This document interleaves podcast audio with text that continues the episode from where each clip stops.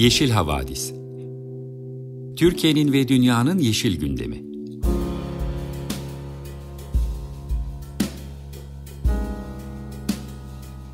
Hazırlayan ve sunanlar Demet Yaman Er, Savaş Çömlek, Dilan Altın Makas, Sare Abit ve Tansu Yeşilkır.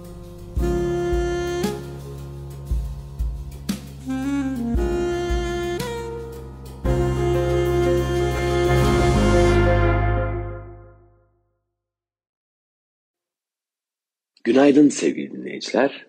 Ben Savaş Çömlek. Bir pazar sabahı daha yeniden birlikteyiz.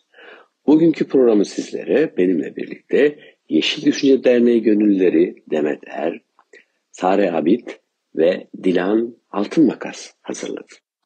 Açık Radyo 95.0 Yeşil Havadis programında bugün sizlere bir süredir alışkanlık edindiğimiz üzere Yeşil Gazete köşe yazarlarından Victor Muri'den bir şarkının hikayesi köşesiyle başlamak istiyoruz.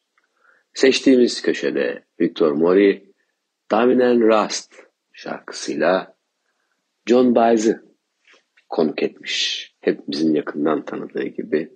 Pürüzsüz sesi ve mükemmel akustik gitar yorumu ile folk müziğin ve protest rock'ın yalın ayaklı Madonna'sı olarak bilinir John Baez ve bütün hayatı boyunca insan hakları için mücadele edip savaşa ve şiddete karşı duruşuyla aktivist kişiliğiyle milyonların sevgilisi oldu. Henüz tanışmadığı John Baez'in ilk albümünü dinleyen Bob Dylan 2004'te yayınlanan ve Türkçe'ye 2022 yılında çevrilen Anılar adlı kitabında folk şarkıcılarının kraliçesi olarak tanımladığı John Baez'in albümünden şöyle bahsetmişti.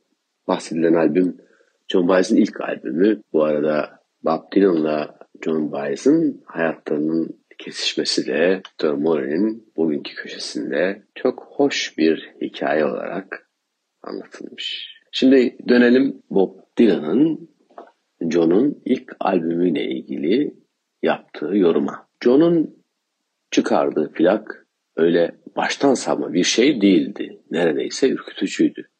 Mükemmel bir repertuarı vardı. Hepsi son derece gelenekseldi. Joan çok olgun, baştan çıkarıcı, çarpıcı, büyülü görünüyordu. Ne yapsa oluyordu. Benimle aynı yaşta olduğu için kendimi işe yaramaz hissediyordum. Ne kadar mantıklı şu görünürse görünsün. İçimden bir ses, Joan'ın benim ikinci yarım olduğunu söylüyordu. Bana mükemmel uyum sağlayacak bir sese sahipti.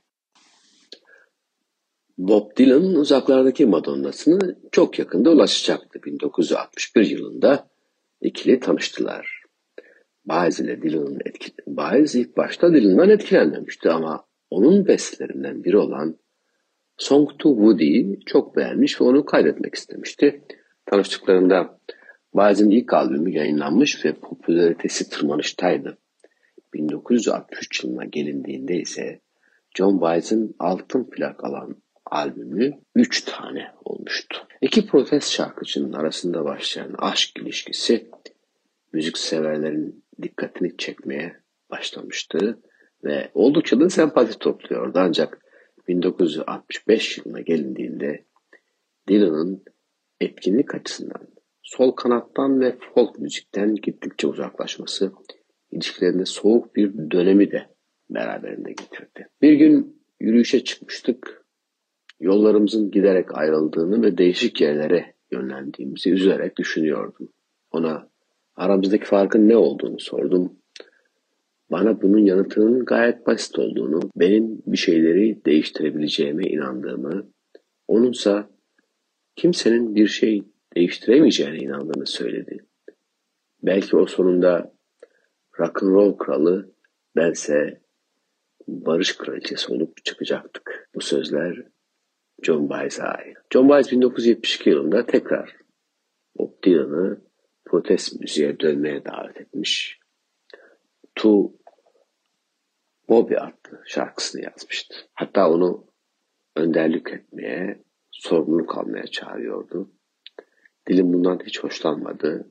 Şarkılarının sadece sözlerden ibaret olmadığını düşünüyor ve hiçbir kuşağın sözcüsü olmak istemiyordu. 1974 yılında bir gün John Baez Bob Dylan'dan sürpriz bir çağrı aldı. Dylan kendisini bir telefon kulübesinden arıyordu ve ona Lily, Rosemary and the Jack of Hearts adlı yeni bir şarkının sözlerini okumuştu.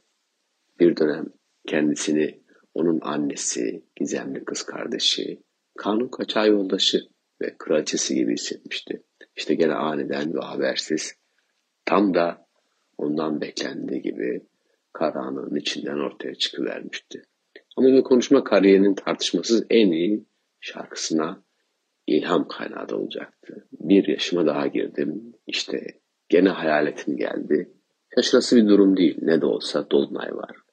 Ve birden arayacağım tuttu. Diamond and Rust benzersiz diyebileceğimiz harika bir gitar girişi bir o kadar da güzel akor progresyonu ile John Baez'in hiçbir metafor kullanmadan yalın bir şekilde eski sevgilisine açık bir mektubuydu aslında. Bob Dylan 1975 yılında John Baez'in de katıldığı Rolling Thunder Revue turnesindeki konserin, konserlerinden birinde ondan şarkıyı söylemesini istediğinde aralarında şöyle bir konuşma geçmişti. Ardut kuşunun gözlerinden ve elmaslardan bahsettiğin şarkıyı söyleyecek misin? Hangisi? Biliyorsun hani mavi gözler ve elmaslarla ilgili olan. Ha, kocam David için yazdığımı söylüyorsun. Kocan için mi? Başka kimin için olduğunu zannediyorsun? Nereden bilebilirim ki? Neyse boş ver. İstiyorsan söylerim. John Baez şarkıyı elbette kocası için yazmamıştı. Ama o anda belki Bob'un canını acıtmak istemişti. Şimdi şarkıyı dinleyelim. Diamonds and Rust yaşamı boyunca insan hakları ve barış için mücadele eden aktivist, milyonların sevgilisi John Baez söylüyor. Sevgili dinleyiciler bu güzel parçanın ardından iklim bültenimize geçmek istiyoruz. Ne yazık ki iklimle ilgili uzun zamandır haberlere yer veriyoruz. Onlarca yıldır bu alanda mücadele ediyoruz. Geldiğimiz nokta çok da iç acılı değil.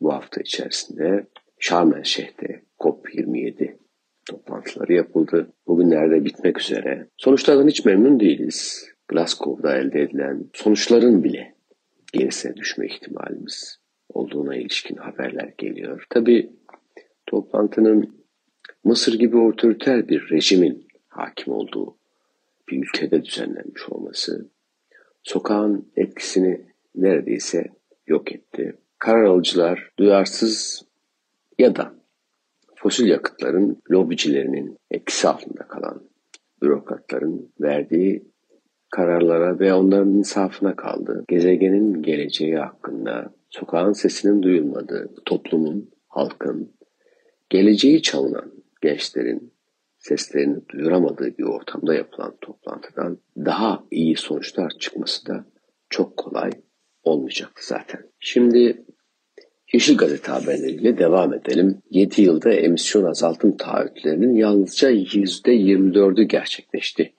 Başlığıyla verilen haberde Birleşmiş Milletler tarafından hazırlanan analize göre 2015'te Paris İklim Anlaşması'nda belirlenen emisyon azaltım hedeflerinin dörtte birinden azı karşılanmış ne yazık ki.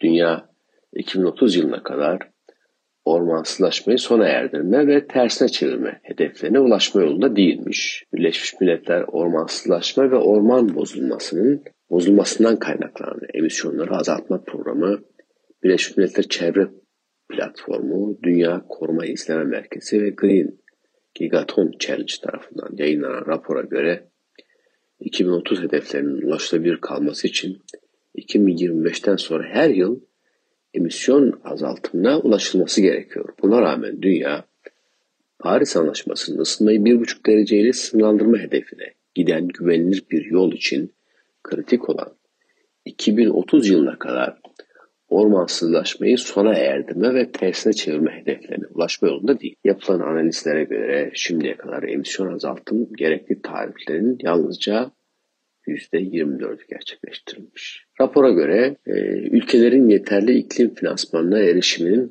hızla iyileştirilmesi gerekiyor. Ancak mevcut orman iklim finansman mekanizmaları bu tarihsel korumayı ödüllendirmek ve ormansızlaşmaya yönelik artan baskılara direnmeyi sağlamak için yeterli değil. Bu ormansızlaşmaya bir örnek olarak Kongo havzasını vermek gerekir. Mısır'ın ev sahipliğine düzenlenen Birleşmiş Milletler İklim Değişikliği Çevre Sözleşmesi 27. Taraflar Konferansı kapsamında yayınlanan Bölgesel Değerlendirme 2022 raporuna göre sahip olduğu biyoçeşitlilikte dünyanın en büyük karbon yutağı olarak tanımlanan Kongo havzasındaki ormansızlaşma hızı 2021 yılında önceki yıllara kıyasla %5 artış kaydetmiş. Yani %5 orman kaybetmişiz. Kongo Havzası gezegendeki tüm türlerin beşte birine ev sahipliği yapıyor. Bu nedenle de biyoçeşitlilik bakımından son derece önemli. Rapordaki dikkat çekici bilgilerden bir tanesi de bölgedeki ormanlar alanlarının sadece %60'ı Amazon Havzası ormanlarının yuttuğu karbonun yaklaşık 6 katını yutma, yılda 0,61 net gigaton karbondioksit eşdeğerini hapsetme kapasitesine sahip. Aynı zamanda dünyanın en büyük karbon yutağı. Ormansızlaşmaya dair bu kötü haberlerin ardından bu konuyla ilgili atılmış güzel bir adımla da bu bölümü noktalayalım isterseniz. Amazon yağmur ormanlarının %52'sine ev sahipliğini yapan Brezilya, Endonezya ve Demokratik Kongo Cumhuriyeti ormanların korunması yönelik bir ittifak başlatarak ortak bir bildiri imzalamışlar.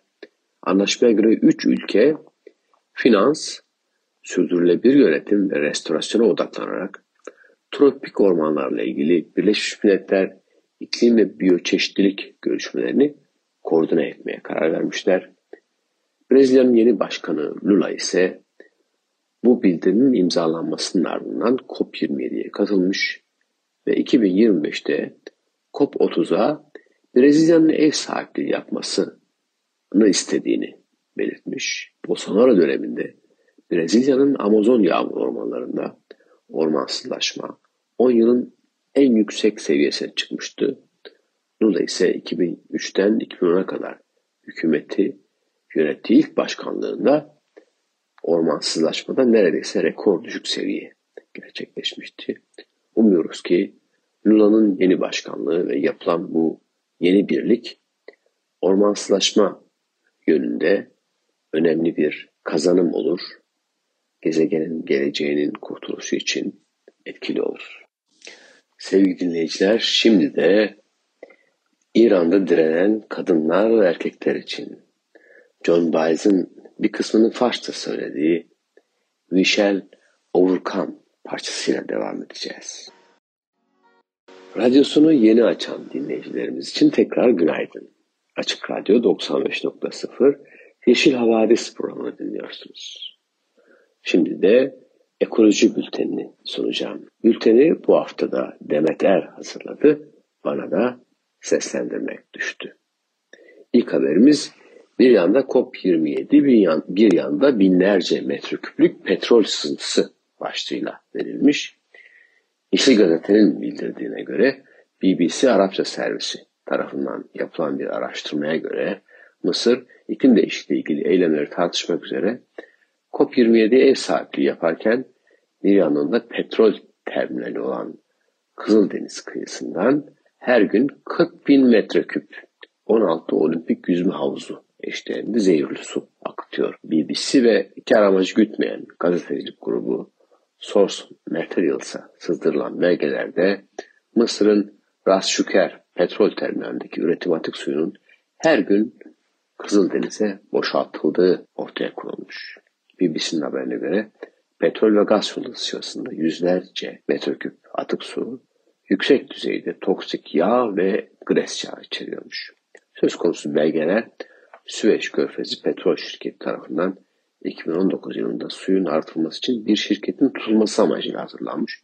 Dolayısıyla sızan belgeler Mısır hükümetinin atık su sorununu İngiliz petrol şirketi BP'nin testteki %50 hissesini Birleşik Arap Emirlikleri'nin Dragon Oil şirketine sattığı 2019 yılından beri bildiğini gösteriyor.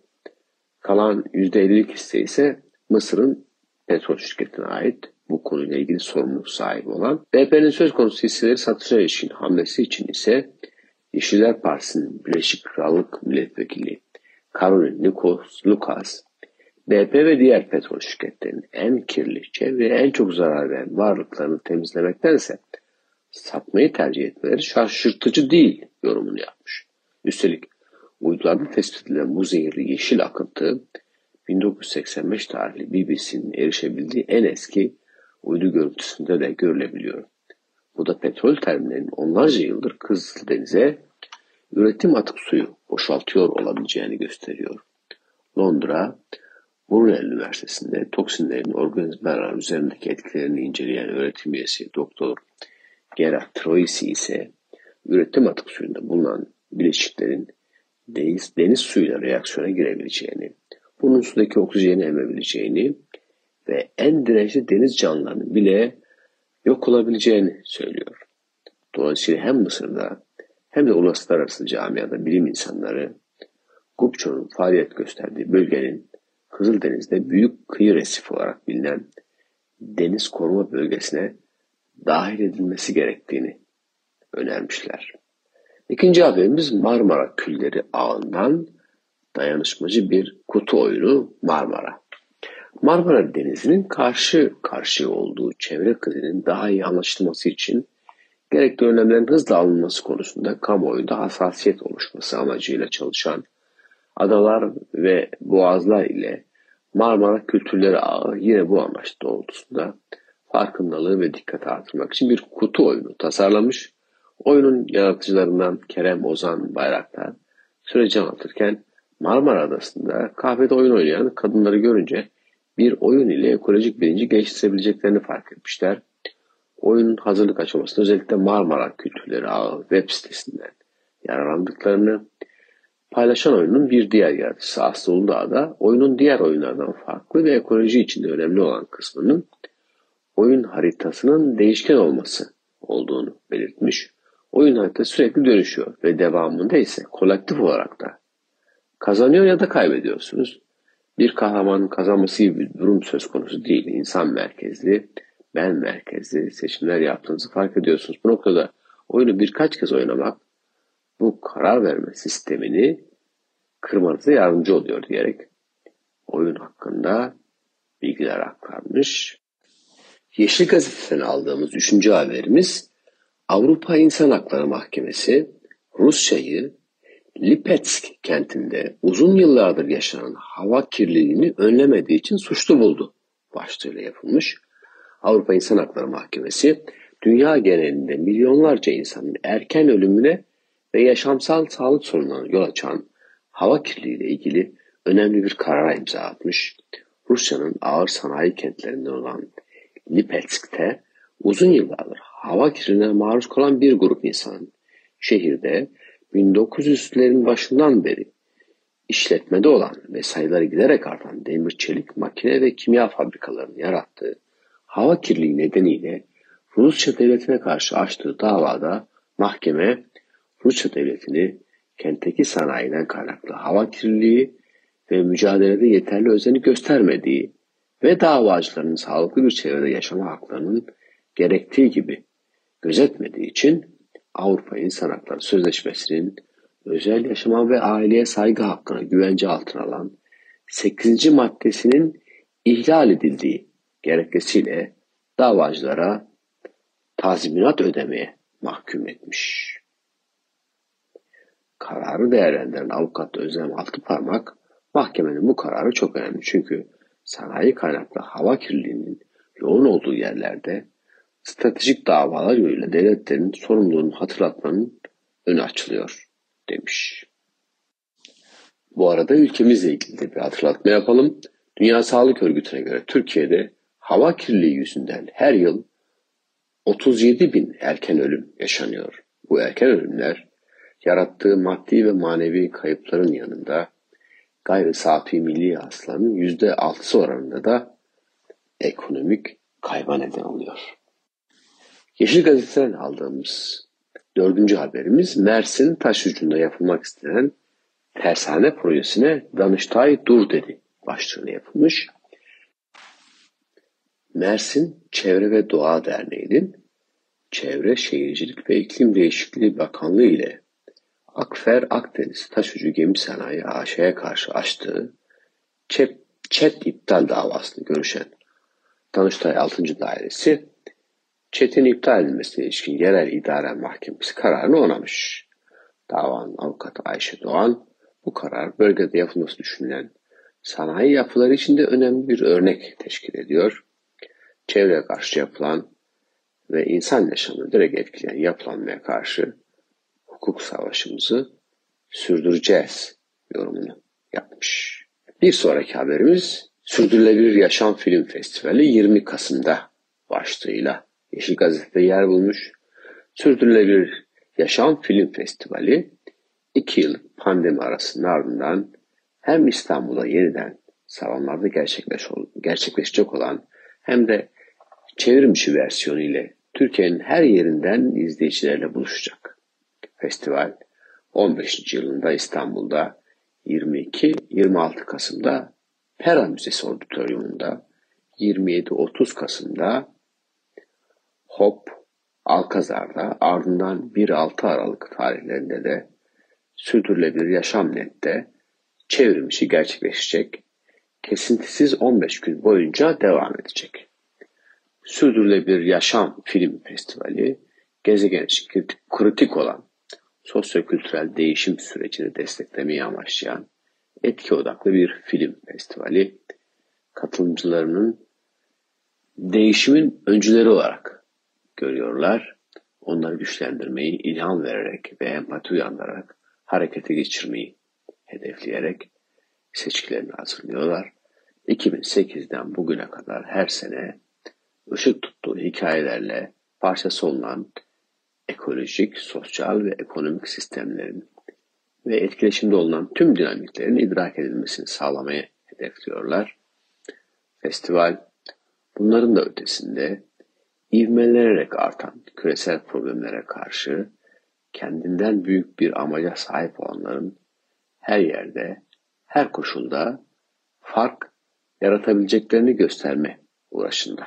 Ekoloji bülteninin ardından COP27'deki önemli başlıkların tekrar gözden geçirildiği sevgili Sera Abid ve Dilan Altınmeşe tarafından hazırlanan söyleşiden önce John Baez ve Mercedes Sosa'nın birlikte seslendirdiği bir şarkıyla devam edelim. Gracias a la vida. Herkese merhaba. Ee, hepinize iyi pazarlar diliyorum. Bu haftada geçen hafta yaptığımız gibi COP27'den ve nasıl gelişmeler oldu bunlardan bahsetmek istiyorum. Bu hafta gelişmeleri Dilan'la beraber sunacağız. Merhabalar herkese. O zaman e, fazla da uzatmadan bu hafta COP'dan çıkan bazı haberleri sizle paylaşmaya başlıyoruz. Bildiğiniz gibi Paris Anlaşması'na taraf olan ülkeler iklim değişikliğiyle mücadele için atmosfere saldıkları ve yeryüzünü ısıtan sera gazlarını önümüzdeki yıllar ne kadar azaltacaklarına dair hedeflerini kendileri belirliyorlar. Buna ulusal katkı beyanı deniyor. Peki ulusal katkı beyanı tam olarak ne demek? Paris Anlaşması'nın ve uzun vadeli iklim hedeflerine ulaşılmasının merkezinde yer alan ulusal katkı beyanları, her ülkenin kendi koşullarına göre ve gönüllü olarak belirlediği ulusal emisyonları azaltma ve iklim değişikliğinin etkilerine uyum sağlama çabalarını somutlaştıran bildirimlerdir. Geçen yıl Paris Anlaşması'na taraf olan Türkiye'de uzun süredir beklenen yeni ve güncellenmiş ulusal katkı beyanını COP27'de Çevre, Şehircilik ve İklim Değişikliği Bakanı Murat Kurum'un bakanlar oturumundaki konuşmasıyla kamuoyuna açıkladı. Türkiye özetle 2030'da %45 artıştan azaltım ve 2038'de emisyonlarının tepe noktasına çıkarma hedefi verdi. Ancak aslında bu bir %41 azaltım hedefi değil, %33 artış hedefi. İstanbul Politikalar Merkezi geçtiğimiz yıl Türkiye'nin ilk net sıfır raporu olan Türkiye'nin karbonsuzlaşma yol haritası 2050'de net sıfır başlıklı çalışmasını yayınladı. Bu çalışma son derece gerçekçi ve makul sınırlarda bir baz senaryodan yola çıkarak hesaplanmıştı. Peki Sara biz burada baz senaryo diyerek tam olarak neyi kastediyoruz? Ee, tabii ki baz senaryo Türkiye'nin beklenen ekonomik büyümesini, elektrik talebindeki artışı ve tarihsel gidişata uygun olarak enerji verimliliğinde ve karbon yoğunluğunda beklenen gelişmeleri göz önüne alarak hazırlanan bir normal durum senaryosu anlamına geliyor. Yani Türkiye yenilenebilir enerjiye geçmek, emisyonlarını düşürmek, enerji verimliliğini geliştirmek için bugüne dek ne kadar bir dönüşüm yaptıysa o hızda devam eder hiçbir ekstra iklim politikası veya yeşil dönüşüm ya da enerji dönüşümü politikası izlemez. Kısaca bugüne kadar nasıl gittiyse öyle devam ederse sera gazı emisyonları nereye gelir? Baz senaryo onu gösteriyor. Ekonominin normal gidişatını veri aldığı için de emisyonlar tabii ki bu senaryoya göre yükseliyor. Peki 2030 için baz senaryo bize neler söylüyor diye baktığımızda baz senaryoya göre 2030'da emisyon salınımı 655 milyon tona ulaşacak. Oysa yeni ulusal katkı beyanı hiçbir şey yapılmadığı takdirde emisyonların çıkacağı seviyeyi 2030'da 1.175 milyon ton kabul etmiş. Ve aslında baz senaryoda 1.175 milyon tona ancak 2070'te çıkılıyordu. Herhangi bir beklenenden yüksek büyüme hızının ve elektrik talebi artışının emisyonları 1.175 milyona milyon tona çıkarması mümkün değil. Öne sürülen azaltım senaryosunda 1.175 milyon tondan 2030'da %41 azaltım yapıldığında emisyonu 693 milyon tona düşürmek hedefleniyor. Yani hükümet baz senaryodan 40 milyon ton daha yüksek bir emisyon düzeyine çıkmayı azaltım hedefi olarak sunmuş durumda. Net sıfıra uygun azaltım hedefi ne olmalı peki? Ee, İstanbul Politikalar Merkezi'nin net sıfır senaryosuna göre oldukça gerçekçi ve net sıfır hedefine de uygun sayılabilecek bir patikayla Türkiye'nin sera gazı emisyonlarını 2018'e göre %32 azaltarak 445 milyon tona indirmesi mümkün. Dünya Bankası'nın Türkiye için yaptığı net sıfır senaryosunda ise emisyonlar 400'ün de altına iniyor. Oysa yeni azaltım hedefimiz 693 milyon ton. Bu da bize yeni ulusal katkı beyanının hiçbir modellemeyi ve bilimsel çalışmayı dikkate almayan siyasi bir hedef olduğunu gösteriyor. Türkiye'nin emisyonlarını azaltmayı değil, diğer bazı gelişmekte olan ülkeler gibi beklenenden daha az arttırmayı hedeflemesini, her ne kadar iklim değişikliğiyle mücadeleye ve net sıfır hedefine aykırı olsa da siyasi olarak ulaşılabilir, anlaşılabilir bulabiliriz. Ancak bu kadar ulaşılması imkansız hayali bir baz senaryoyu devam ettirmeyi ve buradan azaltmış gibi yapıp emisyonların normalde çıkamayacağı bir noktaya azaltmayı hedeflerini, hedeflemelerini anlamak pek mümkün değil. İstanbul Politikalar Merkezi İklim Direktörü ve Yeşil Gazete yazarı Ümit Şahin, Şarm El Şeyh'ten yaptığı değerlendirmede Türkiye kesinlikle bir mutlak azaltım hedefi vermedi diyor ve durumu şöyle açıklıyor. Türkiye %41 azaltım hedefi açıklamadı aslında. Türkiye %41 artıştan azaltım hedefi açıkladı. Yani emisyonları bugünküne göre azaltmayacak, artıracak. Detaylar açıklanmadı. Ancak Türkiye'nin burada 2015'teki baz senaryo yani her şey olduğu gibi giderse şeklinde özetlenen senaryosundaki 2030 hedefini değiştirmediğini öğrendik. Şimdi de biraz COP27'deki daha geniş çaptaki gelişmelerden bahsetmek istiyoruz. İklim krizine karşı en kırılgan durumdaki gelişmekte olan ülkelerin uyum ihtiyaçlarının karşılanması için 105,6 milyon dolarlık ek finansman sözü verildi. Bu çok güzel bir haber. Biraz daha detaylı açıklayacak olursak aslında Küresel Çevre Fonu ve COP27 Başkanlığından yapılan açıklamaya göre Danimarka, Finlandiya, Almanya, İrlanda, Slovenya, İsveç, İsviçre ve Belçika'nın Vallon bölgesi en az gelişmiş ülkeler fonu ve özel iklim değişikliği fonu için 105,6 milyon dolarlık yeni finansman açıkladılar. Belçika, Kanada, Fransa ve ABD'nin de aralarında bulunduğu bazı ülkeler ile Avrupa Komisyonu ise söz konusu iki fonu politik olarak desteklediklerini, önümüzdeki aylarda bu fonlara katkıda bulunacaklarını söyledi. Yeni desteği memnuniyetle karşıladıklarını açıklayan fonlarının alıcı ülkeleri, diğer ülkeleri finansmanlarını en kısa zamanda artırmaları çağrısında bulundu. Fona destek olacak ülkeler geçen yıl Glasgow'da düzenlenen COP26'da da en az gelişmiş ülkeler fonuna 413 milyon dolarlık destekte bulunmuştu. En çok ihtiyaç duyan ülkelere uyum finansmanı sağlamak da dahil olmak üzere Paris İklim Anlaşması'ndaki vaatlerin yerine getirilmesi, bildiğimiz gibi Mısır'daki COP27 zirvesinde en önemli tartışma konularından birini oluşturuyordu. Peki bu fonlar neden önemli? Gelişmiş ülkelerin Paris Anlaşması çerçevesinde fon sağlamayı taahhüt ettiği iklim fonunun kapsamındaki Gelişmiş Ülkeler Fonu en az karbon emisyonu üreten ancak küresel ısınmanın yol açtığı risklerle en çok karşı karşıya kalan 46 en az gelişmiş ülke için özel iklim adaptasyonu finansmanı sağlayan tek kaynak niteliğinde. Özel iklim değişikliği fonu ise gelişmekte olan ülkelerde iklim adaptasyonunun artırılması için yenilikçi yaklaşımları finanse ediyor ve desteğe ihtiyaç duyan gelişmekte olan küçük ada devletleri için özel bir finansman penceresi sağlıyor. Bir diğer önemli gelişmemiz ise COP27 müzakerelerinden çıkacak sonuç metin taslağının e, yayınlanmış olması. Peki bu taslakta hangi konu başlıkları yer alıyor? Taslak metin ülkeler arasında tartışılarak oluşturulan bir metin değil. Mısır'ın ülkelerle yaptığı istişarelerle derlediklerinden oluşuyor aslında. Resmi müzakerelere taslak metindeki unsurlar üzerinden başlanacak. Bunları KOP'un çıktılarına dair en çekişmeli konular, adil bir kayıp zarar finansmanının sağlanması ve fosil yakıtlardan tamamen çıkışın sağlanması konusunda yeni taahhütlerin verilmesi olarak özetleyebiliriz. Hindistan ve Avrupa Birliği bu yıl tüm fosil yakıtları kademeli olarak azaltma sözü verilmesini önermişti. Ancak taslak metinde tüm fosil yakıtların aşamalı olarak azaltılmasına dair bir ifade yer almadı. Bunun yerine metinde geçen yıl Glasgow'da kömür konusunda anlaşmaya varılan ve dün Bali'de G20 liderleri tarafından yeniden teyit edilen unsurlar tekrar edildi.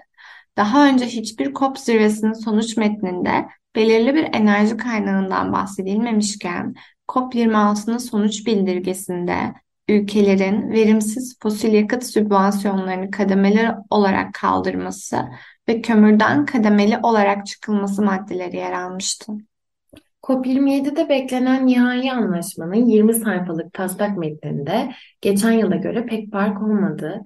Glasgow İklim Paktı'nın ısınmayı 1,5 derece ile sınırlandırma hedefi tekrarlanırken ülkelerden kömür enerjisini kademe, kademeli olarak azaltmaya yönelik önlemleri hızlandırmaları ve verimsiz fosil yakıt sübvansiyonlarını aşamalı olarak kaldırıp rasyonalize etmeleri istendi. Metinde ayrıca tüm ülkelerden 2030 iklim planlarını 1,5 dereceye uygun olarak yeniden gözden geçirmeleri ve güçlendirmelerini talep ederek emisyon kesintilerine duyulan ihtiyaç vurgulandı. Bugün COP27 özelindeki gündemimizi Pakistan İklim Bakanı'nın zirvedeki çarpıcı sözleriyle sonlandırmak istiyoruz. Pakistan İklim Bakanı Sherry Rehman, bize çoktan gelen bu distopya herkesin kapısına gelecek dedi. İş o noktaya gelmeden önce birlikte çalışmayı öğrenelim ve iklim adaleti ve ortak hedeflere ulaşmak için biraz odaklanalım ve gerçek bir azim gösterelim. Teşekkürler Dilan. Umuyoruz ki bu sene 27.si gerçekleşen COP zirvesinde dünya için güzel adımlar atılır ve iklim kriziyle baş etmek için etkili reçeteler sunulur.